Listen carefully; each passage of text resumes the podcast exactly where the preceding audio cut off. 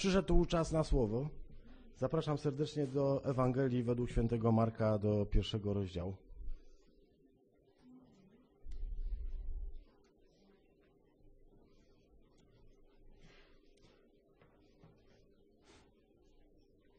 Przeczytamy najpierw słowo, a potem już przejdziemy do e, modlitwy, do, do rozmyślania.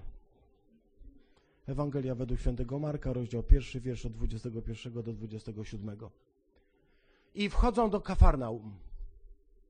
A wszedłszy w szabat do synagogi nauczał i zdumywali się z powodu jego nauki, ponieważ nauczał jako mający władzę, a nie jak uczeni w piśmie. Był zaś w synagodze człowiek w duchu nieczystym i zakrzyknął mówiąc, co nami tobie, Jezusie Nazarejczyku? Przyszedłeś nas zgubić. Wiem, kim jesteś. Święty Boga. Zgromił go Jezus, mówiąc, zamilcz i wyjdź z niego. Zatrząsł się nim duch nieczysty i krzycząc głośno wyszedł z niego. I dziwili się wszyscy tak, że pytali między sobą, co to jest? Nowa nauka z mocą. Nawet duchom nieczystym rozkazuje, i są mu posłuszne. Amen. Pobłogosław nas, Ojcze, na to dzisiejsze rozmyślanie i spraw, by to Twoje słowo nie tyle do umysłów, choć też, ile do serc, tam na te najgłębsze głębiny naszego jestestwa trafiło, aby tam znalazło glebę zdolną do przyjęcia tego słowa, otwartą na działanie Twojego ducha, na działanie Twojego słowa, byśmy mogli je przyjąć. Niech ono w nas wyda swój owoc, swój plon. W imię Chrystusa, Jezusa. Amen. Ostatnia niedziela e, roku liturgicznego. Dzisiaj e, dla tych, którzy kojarzą coś takiego jak rok liturgiczny, e, nie musisz. Od tego nie zależy Twoje zbawienie. Ale pewien porządek w domu jest, tak? W domu, w każdym domu jest jakiś porządek. Kościół to też taki dom, w którym jest pewien porządek. Zgodnie z tym porządkiem od przyszłej niedzieli rozpoczynamy Adwent. A czas Adwentu, cztery niedziele, to jednocześnie nazwany jest początkiem roku liturgicznego, czyli dzisiejsza niedziela to ostatnia niedziela roku. To dla tych, którzy się zastanawiali dzisiaj, e, o co chodzi w modlitwie, w dziękowaniu Panu Bogu za ostatni dzień roku. Dzisiaj jest ostatni dzień roku. To jest właśnie piękne w, w historii w ogóle. Że tych końca i początków roku mogą, może być bardzo wiele. W kościołach tradycji ewangelickiej, czyli nie takiej jak nasza tradycja, bo my jesteśmy ewangeliczna albo ewangelikalna, w tradycji ewangelickiej, czyli w kościołach luterańskich, kościołach reformowanych, a także w części kościołów metodystycznych, tych szczególnie, które wywodzą się z Mazur, kościołów metodystycznych mazurskich polskich, niedziela, yy, ostatnia niedziela roku, E, czyli ostatnia niedziela przed Adwentem, to była i jest niedziela wieczności. Nazywa się ją niedzielą wieczności, dlatego że e, kiedyś w 1816 roku pewien król pruski, który miał taką władzę, zarządził, by tę niedzielę e, spędzić na rozmyślaniach nad wiecznością, głównie ze względu na dramat wojen napoleońskich. E, bardzo dużo ludzi zginęło w tych wojnach i, e, i zastanawiano się nad tym, jak ich uczcić i, i tę niedzielę im poświęcono, a potem już to poszło w ten sposób, że wspomina się po prostu Pana Boga e, jako króla, jako sędziego, jako ostateczność, jako omegę, jako e, tego, który ma w swoim ręku e, ten ostateczny czas. E, my nie będziemy na temat tej niedzieli więcej mówić, ale chciałbym, żebyśmy wiedzieli, że taka jest. Tymczasem mamy przed sobą Ewangelię Marka.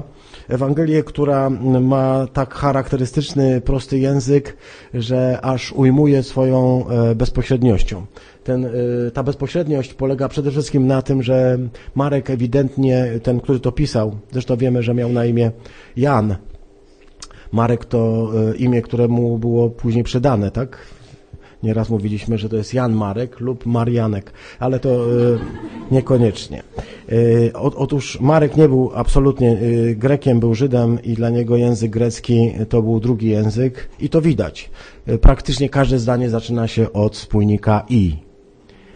i wszedł, i wyszedł, i wstał, i poszedł, i się obrócił, i zobaczył, i powiedział. Wszystkie zdania praktycznie zaczynają się od i, co wskazuje na to, że e, nie była to y, mowa dla niego e, znowu taka e, prosta. A jednocześnie bardzo często używa czasu teraźniejszego. I ja chciałem to uchwycić w tym tłumaczeniu autorskim. Zaczyna się od i wchodzą do Kafarnaum. W naszych tłumaczeniach e, będzie już użyty czas przeszły i weszli do Kafarnaum, ale mi się to i wchodzą podoba, ponieważ to pokazuje jakby aktualność Ewangelii. Nie tylko kiedyś weszli do Kafarnaum, ale ciągle wchodzą do Kafarnaum. To wchodzenie e, w nasze życie, to spotykanie Chrystusa na drodze, to o czym mówiła dzisiaj Ela, o tym spotkaniu Chrystusa dzisiaj aktualnym, dowodzi na słuszności tego e, tłumaczenia, że Chrystus nieustannie wchodzi do mojego i do Twojego kafarnaum. On wchodzi ciągle do jakichś nowych miejscowości, odkrywa takie, które dla Ciebie są może egzotyczne, jak Betania, ale także takie, które są zupełnie naturalne, jak choćby te e, Twoje domowe. Nie jest tak tylko, że wszedł, poszedł, zobaczył, e, wyszedł, ale wchodzi. I to y, mi się bardzo podoba w tym tłumaczeniu. Y, czas teraźniejszy, który u Marka jest użyty, jest y, po prostu fantastyczny. Nie wiem, czy się zgodzicie. Hmm? Opowiadanie z dzisiejszej Ewangelii, jak ja sobie mm, wyobrażam, jest jakby skupione wokół tego pierwszego, mm, tej, tej, tej, tego tej pierwszej tezy. Ta pierwsza teza, y, która brzmi w ten sposób.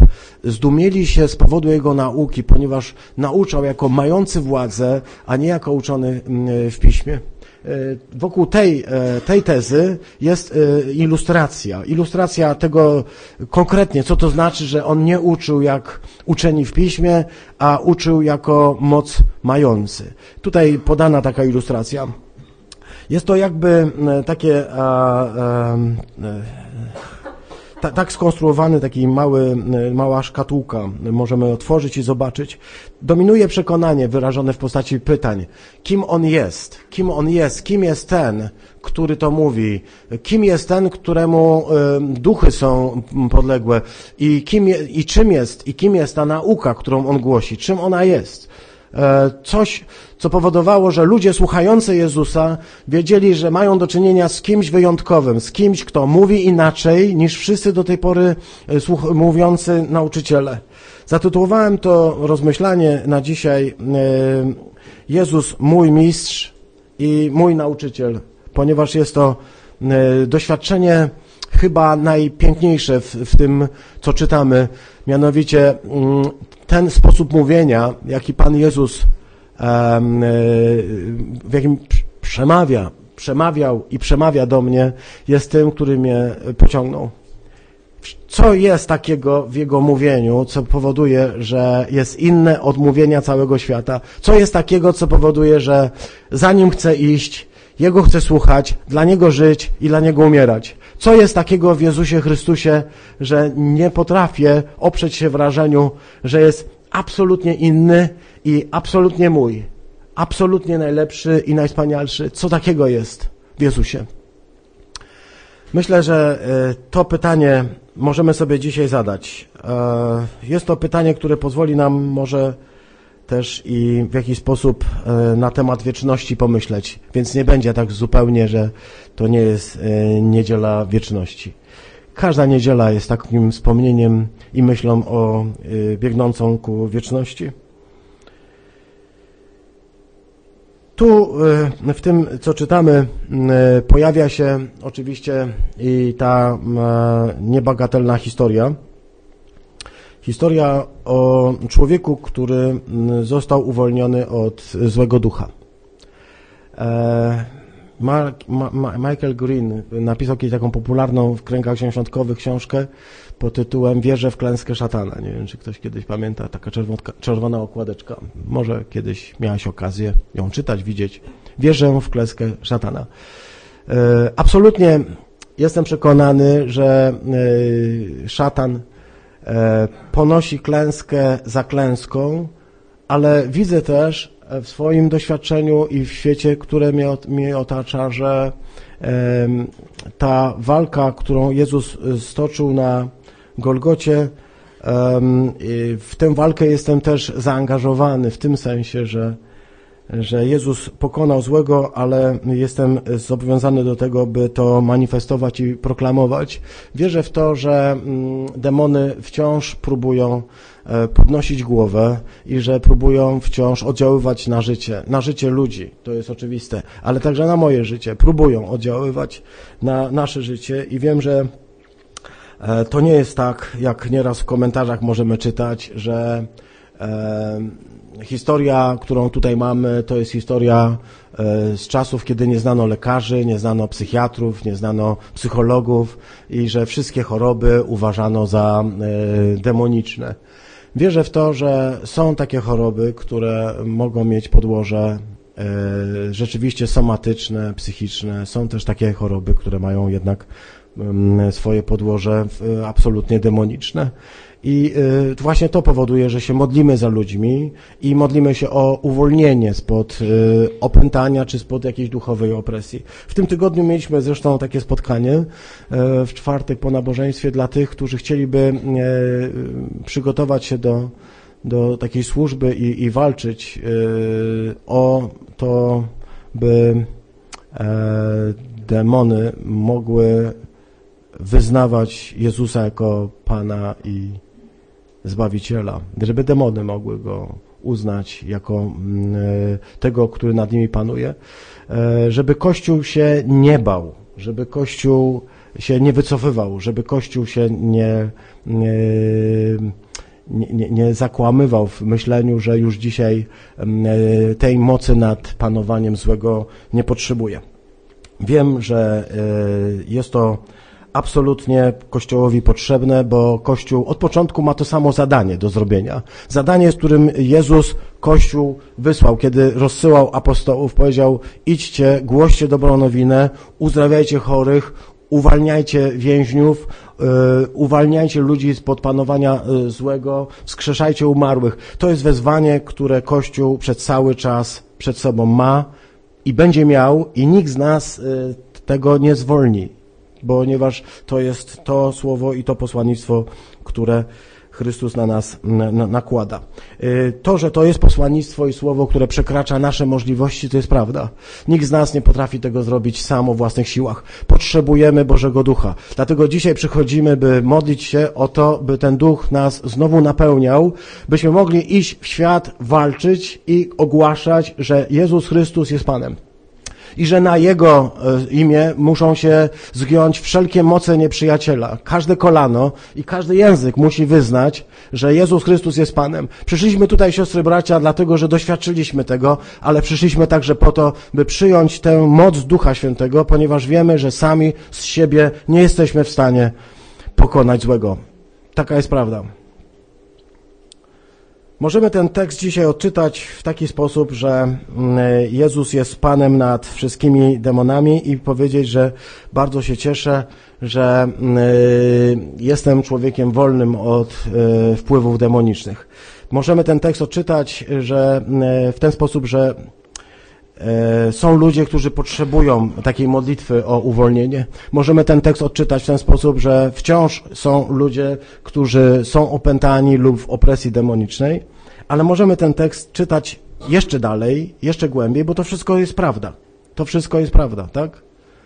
Ale możemy go czytać jeszcze dalej, jeszcze więcej, mianowicie skonfrontować go e, z sobą samym i zobaczyć, na ile jesteśmy wolni od złego sposobu myślenia, od jakiejś um, katechezy, którą nam diabeł zaszczepia. E, czy ten człowiek wiedział, że jest opętany?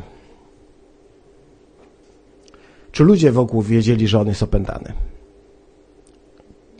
Może było tak, pozwólcie na taką chwilkę rozmyślania, y, takiego puszczę sobie wodze fantazji przez moment. Może było tak, że do czasu, dopóki Jezus nie przyszedł do tej pięknej synagogi w Kafarnaum, do tego czasu wszystko wyglądało e, normalnie.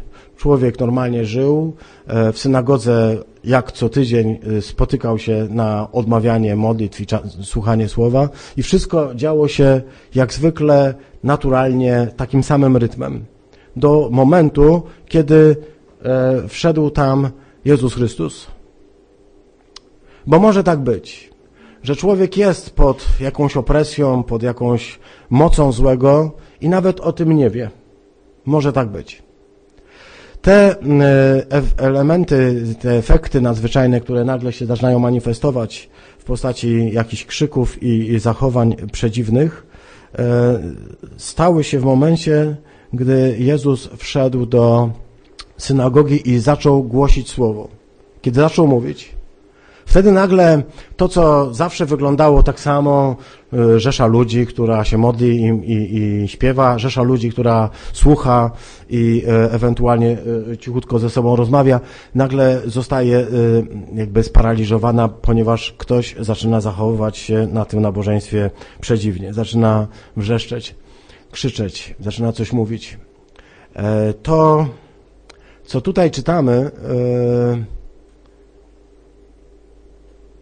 to, to zdanie, które brzmi, był zaś ich synagodze człowiek w duchu nieczystym. E, no, możemy to przetłumaczyć opętany przez ducha nieczystego, ale dosłownie tak jest napisane, był w synagodze człowiek w duchu nieczystym. Miał, był nieczysty w duchu, tak byśmy powiedzieli, albo nieczystego ducha był. E, tak też można to przeczytać. I on zaczyna krzyczeć, czego chcesz od nas? albo dosłownie co nam i tobie.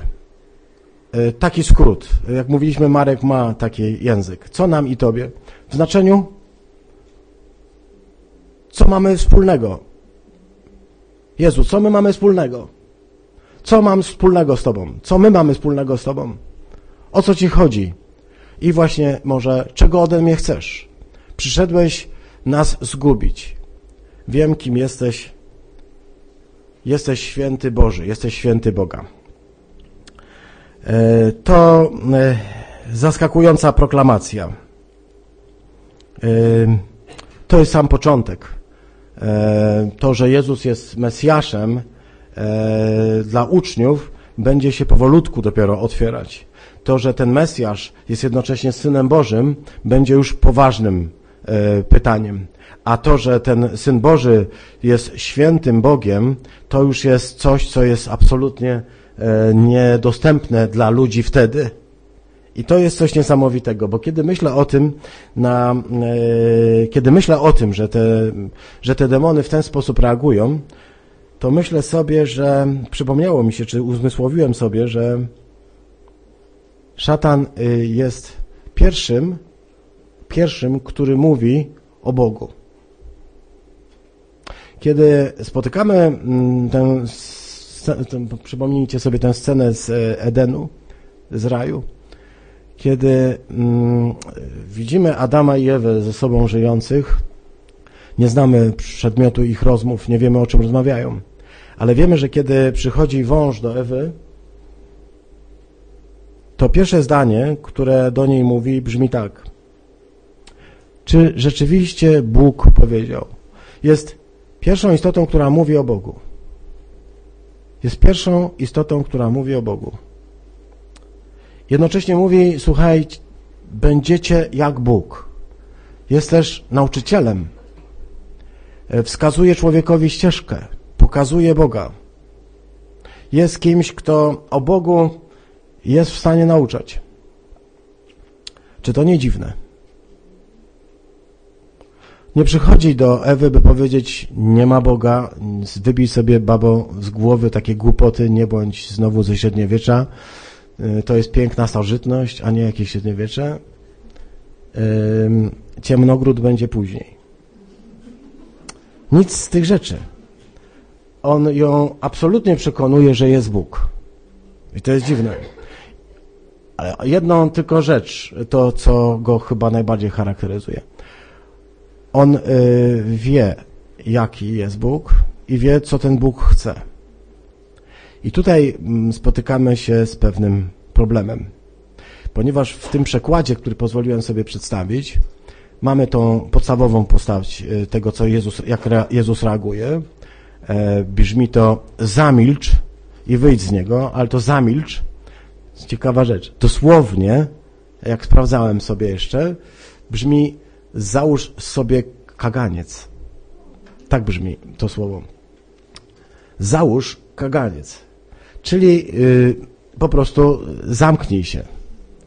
To zamilcz oczywiście ładnie brzmi, bo to jest tak kościelnie. Nie, nie wypada w kościele czytać Ewangelię, która mówi zamknij się, albo jeszcze ostrzej, ale tego już nie powiem, ponieważ właśnie dosłownie tak to jest powiedziane. Załóż kaganiec. Co znaczy? Przestań mówić o Bogu.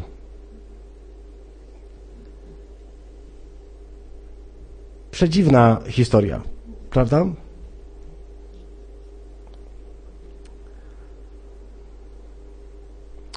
Diabeł, demon, zły duch, duch nieczysty, to wszystko, co tutaj chcemy powiedzieć, chce uczyć o Bogu. On nie stoi za ateistami. Ateiści to jest jeszcze inny wynalazek. E, jak się urodzili, to ateizm jest oczywiście e, pewną ideologią. Kto za nią stoi, to już jest inna sprawa. Ale chcę powiedzieć, tu mamy coś ciekawego. Demon chce nas uczyć o Bogu. Demon chce ci powiedzieć, jaki jest Bóg. Demon wie lepiej i jest zainteresowany tym, żebyś absolutnie mógł poznać Boga według Jego wizji. Ale my wiemy doskonale, że ta Jego wizja i że to Jego mówienie o Bogu jest absolutną nieprawdą. E, I tu musimy być bardzo ostrożni, bo wielu ludzi chce nam mówić o Bogu. Nie znamy e, inspiracji.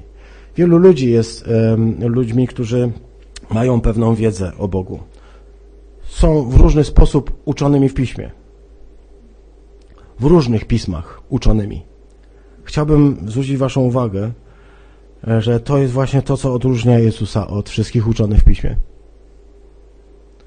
Oni mówią z tego, co przeczytali. On mówi ze swojego doświadczenia z Ojcem, z, e, z tego, jak go znał przed założeniem świata i w jaki sposób go rozpoznaje teraz, kiedy go słucha i kiedy z nim się modli. E, jest bowiem głębokie niebezpieczeństwo w tym, że dzisiaj cały świat może nam śpiewać i mówić o Bogu.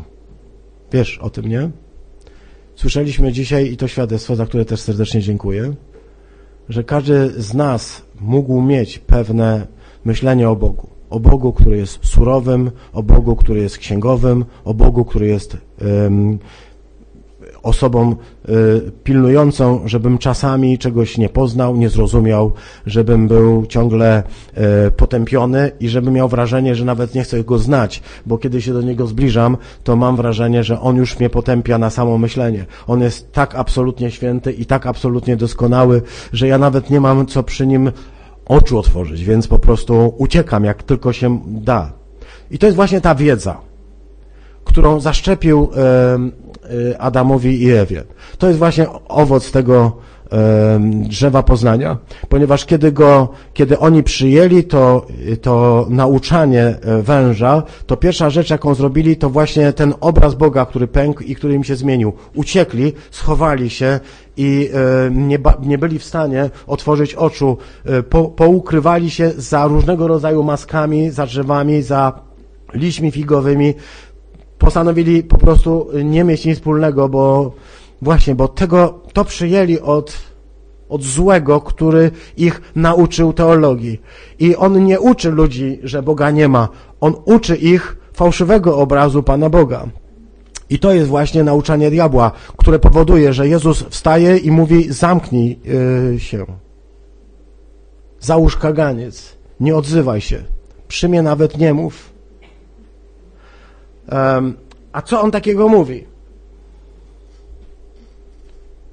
Nie wiem, czy macie takie wrażenie nieraz, że wiedza w naszych czasach e, jest rzeczą wyjątkowo cenną. Informacja.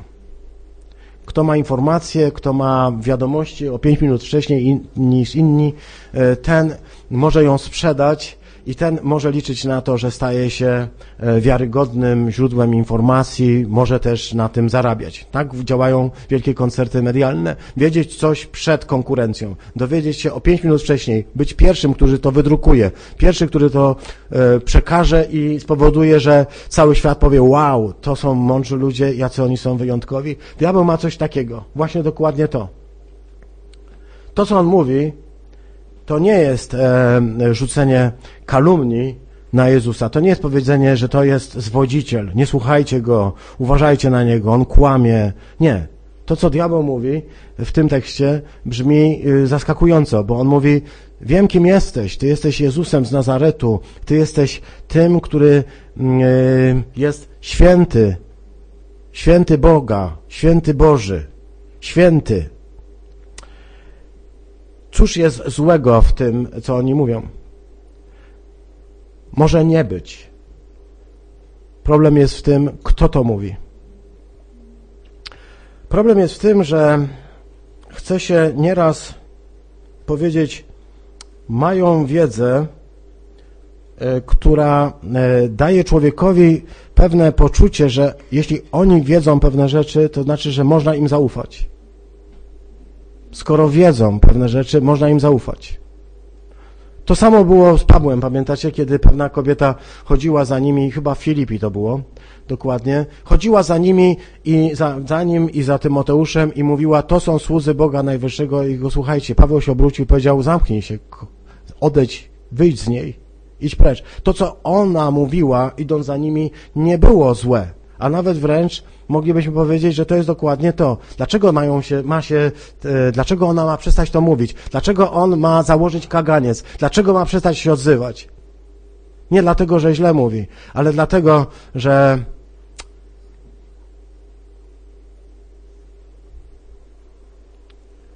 nie ma w nim prawdy. Nic z tego nie wynika. To jest religia bez ducha. To jest wiedza, która nie zmienia. Dlaczego? Ponieważ ich nie zmieniła. Oni wiedzą, że On jest święty Boży, oni wiedzą, że to są słudzy Boga Najwyższego, oni mogą powiedzieć, że Jezus jest y, tym y, Synem Najwyższego i to niczego nie zmienia w ich życiu. Jest to dramatyczne, ponieważ może się okazać, że można mówić o Bogu, można o Nim głosić i cały świat może o tym mówić i cały świat o Nim może mówić i ostatecznie może okazać się, że prowadzi nas to do czegoś zupełnie odwrotnego, do innego, do innego skut, na inny, inny skutek. Wywołuje to w nas zupełnie inne reakcje, ponieważ my nie mamy um, Boga, o którym mamy coś wiedzieć. Mamy Boga, którego objawia nam Chrystus, do którego mamy przylgnąć. Oni mają wiedzę, ale nie mają miłości. Oni mogą mówić pewne rzeczy prawdziwe, ale nie ma w nich sprawiedliwości. Jeśli ktoś ma jakąś wiedzę, ale nie przygnął do Boga, albo ma jakąś yy, yy, myśl o Panu Bogu, ale nie ma w nim sprawiedliwości, nie żyje zgodnie z tym, co tutaj mówi, to się nagle okazuje, że jest po prostu kimś bez mocy. To rozpoznali ludzie w Kafarnaum. Rozpoznali, że Jezus nie jest jednym z kolejnych ludzi, którzy nam mogą powiedzieć coś o Bogu. Jest kolejnym jakimś człowiekiem, który może powiedzieć coś nowego o Bogu, coś, czego nikt inny nam nie powiedział. Ciekawe, przez chwilkę posłuchamy. Może ktoś napisze artykuł na ten temat, a może nawet opublikują to na Facebooku, ale ostatecznie to nikogo niczego nie zmienia. Jezus taki nie jest.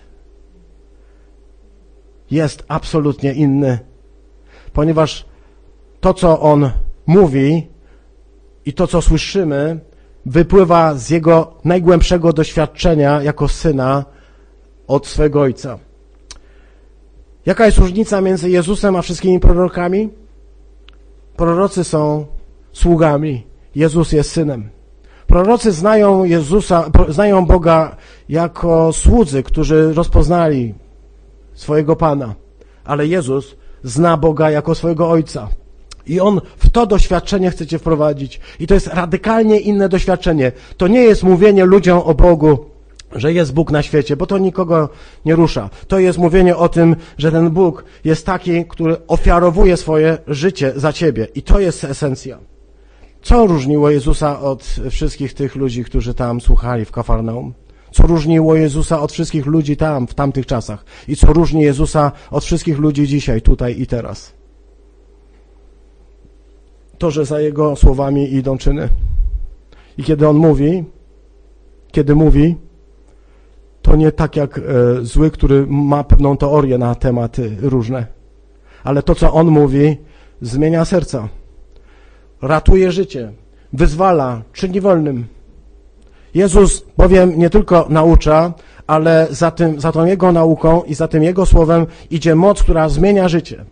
I to jest to, czego nie ma żaden uczony w piśmie. I to jest to, czego nie ma żaden y, nieczysty, który może wykrzykiwać wszystkie święte regułki, a żyć dalej tak, jak żyje.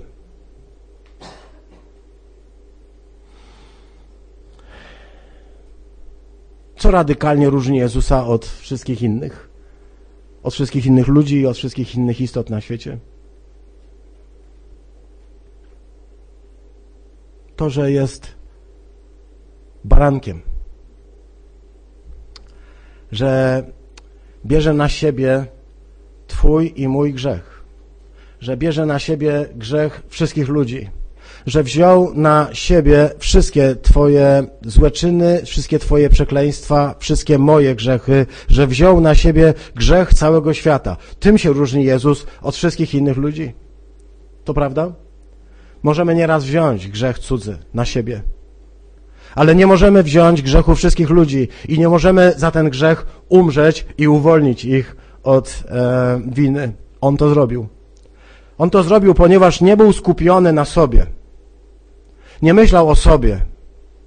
Nie myślał, co on z tego będzie miał, jakie będzie miał z tego profity, jaki będzie z tego powodu kochany.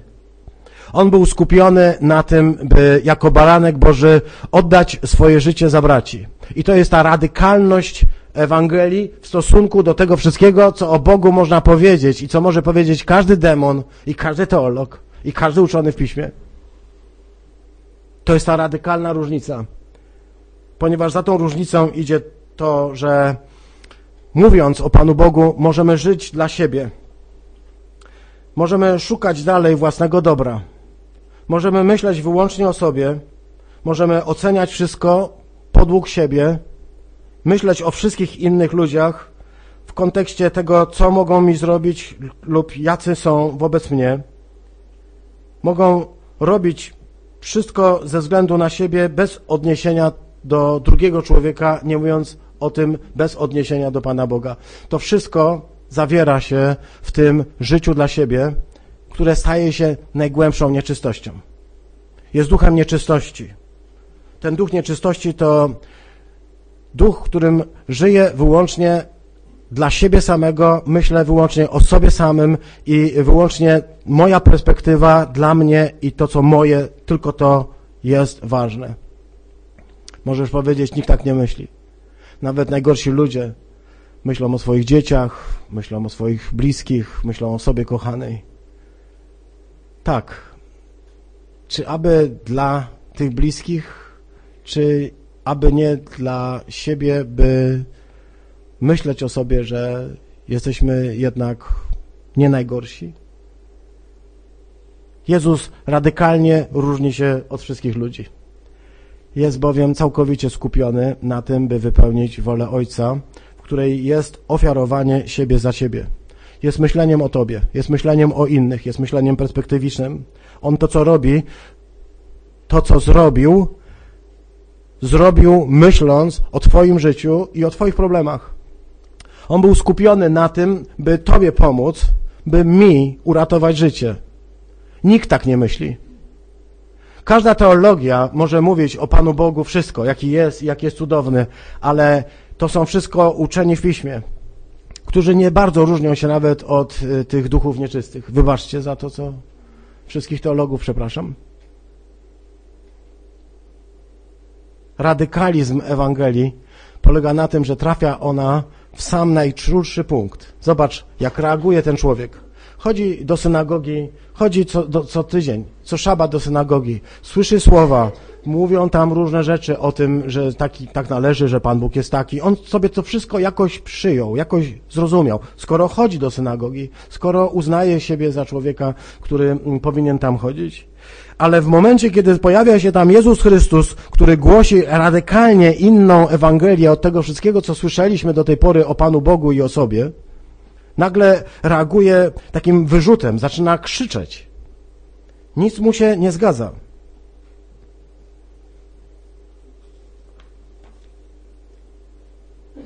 Czego chcesz ode mnie, Panie? Tak chciałem zatytułować to dzisiejsze rozmyślanie. I taki jest gdzieś głębiej ten tytuł. Czego chcesz ode mnie, Panie?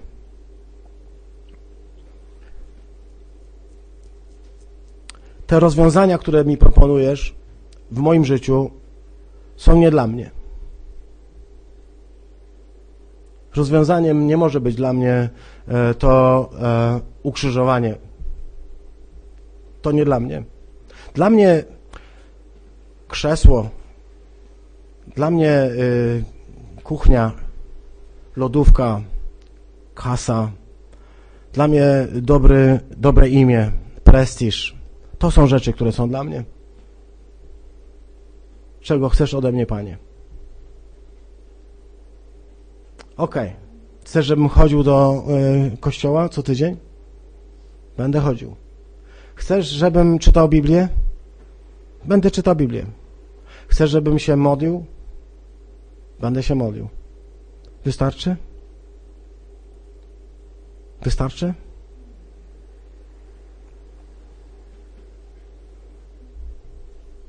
Ty chcesz, żebym nie żył po swojemu. Żebym przestał żyć dla siebie. A na to się nie mogę zgodzić.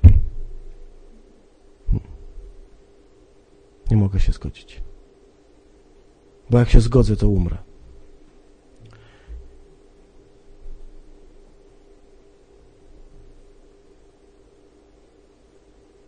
Jezus mówi: Załóż kaganiec. Załóż kaganiec. Przestań mówić. Przestań mówić. Wyjdź. Wyjdź. Wyjdź z niego. W każdym z nas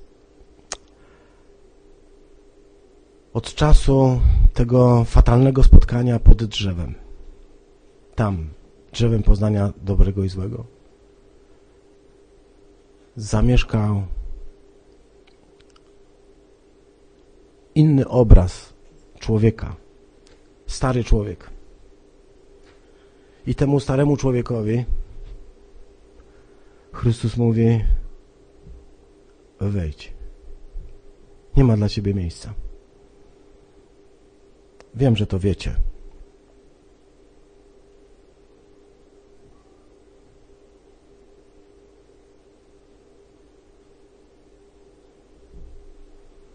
A wiem, że ciągle staje wobec nas taki głęboki problem.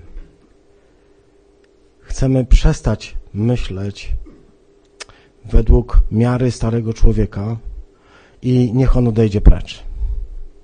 Niech stary człowiek, jego sposób myślenia, jego logika, jego uwikłanie w grzech, jego to utytłanie w tych różnych fajnych rzeczach, niech odejdzie precz. Bo ja mogę chodzić dalej do kościoła, ja mogę czytać Biblię, ja mogę się nawet modlić, i nawet godzinę codziennie, na dwie godziny codziennie mogę się modlić, ale Bóg nie tego ode mnie oczekuje w pierwszej kolejności.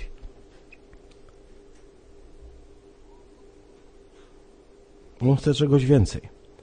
Dlatego muszę ciągle się pytać, czego chcesz ode mnie, Panie? To nie jest złe pytanie. Czego chcesz ode mnie? Czy to, co robię, to już wystarczy? Dlaczego mam wrażenie, że ciągle usłyszę, że nie? Że wiesz co, zupełnie mi nie o to chodziło. Nie chodziło mi o to, żeby przyjdę na ziemię i założę zbór e, ziąsiątkowy, kościół i że będzie fajnie i będzie fajnie. Mi to w ogóle nie o to chodziło.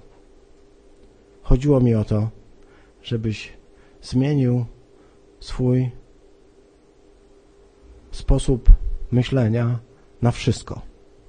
Zupełnie. Radykalnie. żebyś przestał słuchać y, tego nauczyciela, który ci wydawało się podpowiadał do ucha o Bogu, jaki jest i wszystko wiedział. Żebyś przyłożył ucho do mojego serca i żebyś posłuchał, co ja mam Ci do powiedzenia. Tego chcę. Żebyś przyłożył swoje ucho do mojego serca i usłyszał, co ja chcę Ci powiedzieć. Żebyś nie słuchał wszystkich, którzy gadają o Bogu. Żebyś nie, nie czytał wszystkich mądrych książek, które są. Tylko żebyś przyłożył ucho do mojego serca i usłyszał, co ja chcę Ci powiedzieć. Amen.